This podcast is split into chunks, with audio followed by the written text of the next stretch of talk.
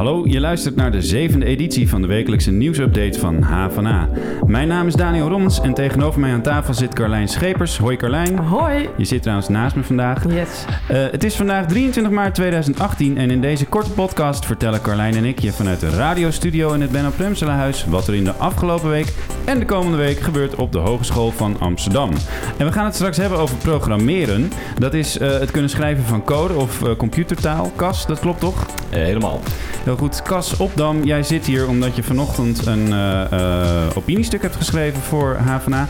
En jij vindt dat de HVA te weinig aandacht besteedt aan programmeren bij de IT-opleidingen. naast jou zit teammanager van jouw opleiding, Twan van der Dries. Welkom Twan. Dank je. Um, we gaan het straks hebben over dat programmeren. Maar nu eerst gaat Carlijn je vertellen over al het andere nieuws op de HVA.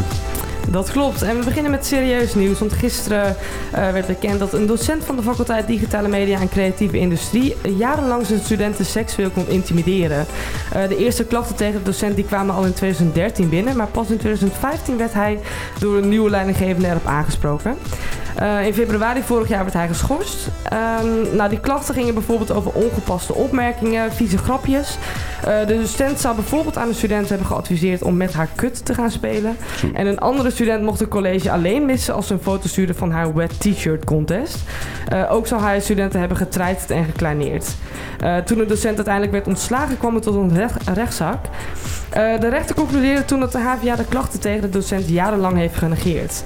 het ontslag is wel terecht, maar de docent krijgt naast een ontslagvergoeding van 55.000 euro ook nog 10.000 euro. En dit is omdat de klachtenprocedure niet goed is verlopen. Heftig? Ja, nogal. Dus uh, hij gaat ook nog met een zak geld weg.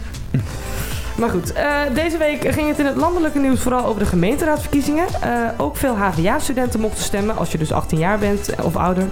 En als ze in Amsterdam wonen, kon dat ook op een van de stembureaus op de HVA, in de Leeuwenburg of in het Koonstamhuis. En als studenten in hun eigen gemeente gingen stemmen, konden ze toch hun mening kwijt over politieke standpunten. Namelijk op een van de stickermuren in het Koonstamhuis op het Wieboudhuis. En als ze daarna hun stickervel in de automaat deden, dan kregen ze meteen een stemadvies.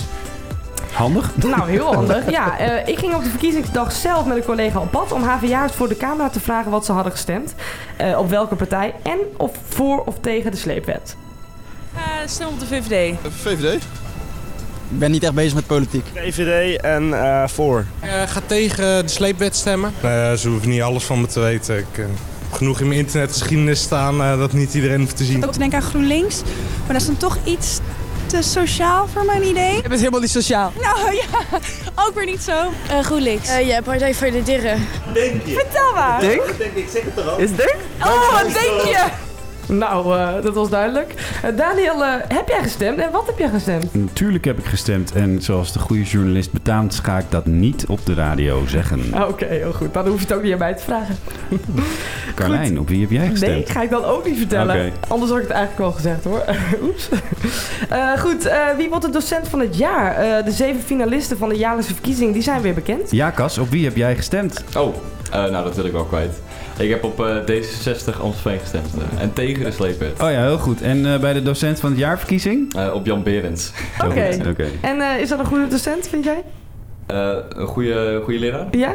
Ja, ik vind het wel. Hij is bij LA, dus een beetje biased. Maar ja, ik kan er wel onwijs om lachen. Dus, Wat is LA? Voor de mensen die niet... Oh, loopbaanadviseur. Oké, okay, dus, ja, precies. Dan weten we dat. Nou goed, de zeven finalisten die zijn nu bekend. Studenten konden namelijk van elke faculteit stemmen. Dat was afgelopen februari. Um, en van die zeven docenten die door hen zijn genomineerd... wordt op 12 april tijdens de onderwijsconferentie een winnaar gekozen. nou, de faculteitswinnaars zijn Rem Pronk van Bewegen, Sport en Voeding... Jamal Abid van Business en Economie... Jochen Rieser van Digitale Media en Creatieve Industrie... Niek Kruijer van Gezondheid... Renske Bel van Maatschappij en Recht... Aad Sinken van Onderwijs en Opvoeding... en Mark Bogoven van de faculteit Techniek. Nou, zij werden door de studenten onder andere verkozen om hun passie, creativiteit, humor, betrokkenheid en enthousiasme. Uh, een studentenjury gaat nu langs bij de colleges van deze studenten, uh, van deze docenten en besluit vervolgens wie er wordt bekroond tot de beste HVA-docent van 2018. Eh, Zeg Daniel, had jij eigenlijk een eh, favoriete student, eh, of docent toen jij nog studeerde? Ehm, hier op de HVA? Ja? Eh, oh, dan moet ik even nadenken. Ik denk dat... nou, ik weet zijn achternaam niet meer. Hij heette Martijn van Oké. Voorde. Martijn, als je luistert. Martijn, als je luistert, jij was mijn favoriete docent. Ik weet wel trouwens van een van die genomineerden, Jochem Riester... die Ja. heeft een poosje geleden een opinie bij ons geschreven... over dat hij die verkiezing maar onzin vindt. Oh, Hij vond het beter om maar gewoon te loten. Oké. En Ja. nu is hij wel zelf verkozen? Ja, precies. Ja. Eh, de typisch. beste docent van het jaar loterij zag hij voor zich. Oké, nou dat heeft hij blijkbaar niet nodig. Want Ja, eh, nee. hij, heeft, eh, hij is in ieder geval een van de kansmakers. Ja. Goed, we gaan over naar Cas en Twan. Jullie zitten hier om te praten over programmeren. En dat begon eigenlijk met een verhaal van Cas op onze website. Cas, kun je vertellen, waar ging dat verhaal over? Eh, nou, ik had een eh, opiniestuk eh, geschreven, omdat ik op Twitter had ja, geklaagd dat het programmeren niet zo heel spannend was op de HVA. En toen, eh, ja, toen heb ik dat uitgeschreven als opinie. En daar, eh, ja, daar kom ik eigenlijk eh, naar voren met het punt dat ja, als je in de praktijk bezig bent met een stage of werk in de IT, dat programmeren, de kennis van programmeren best wel ja, van nut kan zijn. En ja, ik vind dat daarom dat we daar als opleiding daar meer aandacht aan moeten besteden. Want wat studeer jij zelf? Ik studeer Business IT en Management. Oké, en daar krijg je helemaal geen vak over programmeren of te weinig? Jawel, je, je krijgt het wel. In, in jaar 1 krijg je dus één vak programmeren. In de taal Java. Dat zal waarschijnlijk niet zoveel eh, zeggen hier. Maar Nee. eh, nou, dat is dus, dat, als je dat hebt afgesloten is dat klaar. En dan ja, heb je nog wel een project of zo, maar dan hoef je niet per se te programmeren. En dan is het klaar. En als je dan op je stage komt in het tweede jaar, ja, dan kan het soms een beetje tegenvallen. En dat was bij jou ook het geval? Ja, maar bij mij wel. Ik, eh, ik heb stage gelopen bij de Raadbank in Utrecht. En toen zat ik echt in zo'n groot DevOps team, hè, een grote, een grote IT-organisatie. Ja, wat is het DevOps team? Ja, een DevOps team zijn gewoon verschillende programmeerteams die eh, met elkaar iets ma- ma- maken. In dit geval maakten ze de Rabobank website, zeg maar. Oké. En eh, ja, ik, ik, ik, ik, kon, ja, ik heb daar veel moeten bij eh, spijkeren om, om bij te benen, om het zo maar te noemen. En ehm, ja, ik vond het jammer dat de HVA me daar niet op voorbereidt. Ehm, want ik weet wel dat de vakken worden gegeven. Ja, Nou, precies. Twan, namens de HVA. Namens Hoe zit HVA dat? Hoe zit dat? Ja, namens de HVA, misschien ook eh, namens eh, alle informaticaopleiding. Ehm, binnen onze eh, brede bacheloropleiding maken we jaarlijks, een, jaarlijks toch wel regelmatig een keuze van welke vakken bieden we allemaal aan. En er is altijd wel een strijd van moet daar meer programmeren in, zoals Kassa willen, of moet daar meer eh, business information in, moet daar meer business intelligence in, big data, binnen business analytics. Eh, je ziet dat binnen de, het docententeam van Business IT en Management er discussies zijn die zowel de voorkeur uitspreken voor meer programmeren, aan de andere kant voor meer business analytics. Het is eigenlijk een bredere discussie ook hè, over het Ja. programmeren. Want er wordt ook gezegd dat je eigenlijk op de basisschool al zou moeten leren programmeren. Is, dat, is het niet, hè, is het niet te, eh, te laat om dat pas op een hogeschool dan aan te bieden? Nou, die discussie die, die kennen we ook en die volgen we eh, ook. En waarbij we op een gegeven moment zeggen, dus het aanleren van de programmeren op de basis, ik denk dat, wij een hele, dat het een hele goede ontwikkeling is. Met name ook zeg maar, de laatste alinea van Kassen in eh, zijn opiniestuk hè, van eh, programmeren is leuk. Hè, je kunt de wereld mee veranderen. Ja. Wij onderschrijven denk ik als opleiding ook zeg maar die mogelijkheid. Dus het is zeker niet dat wij programmeren niet leuk vinden, maar het is een afweging van welke vakken zetten we er wel in en welke niet. Ja, Cas, jij zegt inderdaad dus dat je de wereld kunt veranderen door te programmeren. Eh, wij op de redactie hadden allemaal hele grote vraagtekens. Want hoe doe je dat dan? Ja. De wereld veranderen. Ja, met, met programmeren. Nou ja, ehm, ja, ik heb daar één antwoord op. En dat is eh, bijvoorbeeld Google of Facebook. Nou, wie gebruikt dat niet eh, elke dag? Nou, iedereen. En dat vind ik wel de wereld veranderen. En, dat- daar zit heel veel achter, een hele taal achter. Die, die zij nee, niet moesten- één taal, meerdere Ja. natuurlijk. Ja. Maar ja, gewoon de, de manier hoe jij je, je, je, dagelijkse leven inricht. Als je dat kan veranderen, dan vind ik wel dat je de, de wereld kan veranderen. Ja, Eh, een van de argumenten die jij geeft eh, voor dat leren programmeren is dat je dan een soort edge ten opzichte van je collega's hebt. Hè? Dat je dat, dat meer kan dan anderen. Maar als iedereen dat eh, leert bij de opleiding, dan is die edge weer weg. Dan zit je Ja, weer dat- gewoon in de Ja, middenmoot. dat is een goed eh, argument. Maar ik denk toch wel... Dat is ook een beetje een lullig argument. Ja, een beetje- ja misschien. Maar ja, ik denk gewoon de, de kennis ervan is heel belangrijk. Gewoon dat je snapt wat... wat, ja, wat ja, ik kan niet allemaal technische termen gaan strooien, Ja. maar dat ga ik niet doen.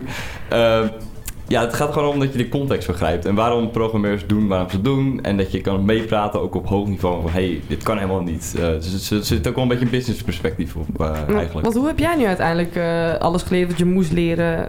Was het bij die stage of heb je dat nog zelf nou, gedaan? Toen heb ik gewoon veel gevra gevraagd aan mijn collega's. Van hey, hoe zit dit nou? En toen ik terugkwam weer op school heb ik een themasemester gevolgd. En toen heb ik dus mobile development gedaan. En dat is programmeren voor je telefoon.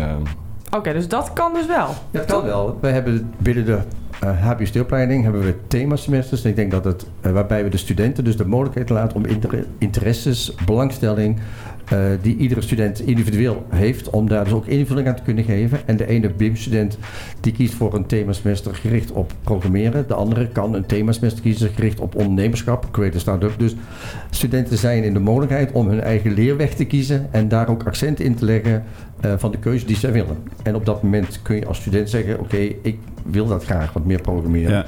Doe dat dan. Ja, laatste vraag aan Cas dan. Hè. De mogelijkheid is er dus eigenlijk wel, uh, maar jij vindt dat niet genoeg. Nee, nou, om een voorbeeld te geven. Ik was een van de twee uh, personen van mijn opleiding die op, die thema, op dat thema semester zat. Dus veel draagvlak onder de studenten is er niet. Maar ik denk dat een prikkel wel belangrijk uh, kan zijn. Zeg maar. dat als ze het verplicht krijgen, dat ze ook veel meer denken... oh, oh ja, nee, dit is wel belangrijk. Ja, nou, die discussie die, uh, gaat onophoudelijk door, denk ik, ook binnen het docententeam, ja, Twan, toch? Ja. ja. Ja, Want je moet natuurlijk met je tijd meegaan. We blijven ontwikkelen. Ja, heel goed. En veranderen. Heel goed. Dank jullie wel beiden voor het gesprek. Ja, top. En Daniel, kan jij nog vertellen wat er de komende week gaat gebeuren op de HVA? Ja, zeker. Uh, vandaag, op vrijdag dus, um, je moet wel niet met tekst wegdraaien, wordt in de Oude Lutherse Kerk op het Spui de jaarlijkse Koonstamlezing gehouden en wel door cabaretier Freek de Jonge. Uh, de lezing die begint om drie uur. Wil je die bijwonen, dan kun je je nu nog snel inschrijven op www.koonstaminstituut.nl. En verder organiseert Floor volgende week een collegecafé over de bitcoin. Uh, wil je alles weten over die cryptomunt, dan kun je vanaf half vijf terecht in de grote zaal beneden in het Koonstamhuis. Volgende week donderdag dus. En verder publiceren wij volgende week een mooi interview met communicatiemedewerker Pieter Hofman. Hij werkt bij de HVA, maar in zijn vrije tijd loopt hij 12 marathons dit jaar om geld op te halen voor onderzoek naar de ziekte van Huntington. En dat persoonlijke verhaal kun je dus volgende week lezen. En natuurlijk al het andere nieuws over de HVA. Ja, zeker. Uh, volgende week zijn wij er weer terug voor een nieuwsupdate. En check tussendoor natuurlijk onze website voor alle verhalen en het laatste nieuws van de HVA. Ja, en vergeet ons vooral niet te volgen op Soundcloud en iTunes voor deze podcast. Maar ook op Instagram, Facebook, Twitter, LinkedIn en ons videokanaal op YouTube. Voor alle andere leuke en belangrijke items die wij maken. Uh, Cas en Twan, dank dat jullie er waren. Graag gedaan. Carlijn, dankjewel. Ja, jij ook. En jullie allemaal bedankt voor het luisteren. En tot volgende week.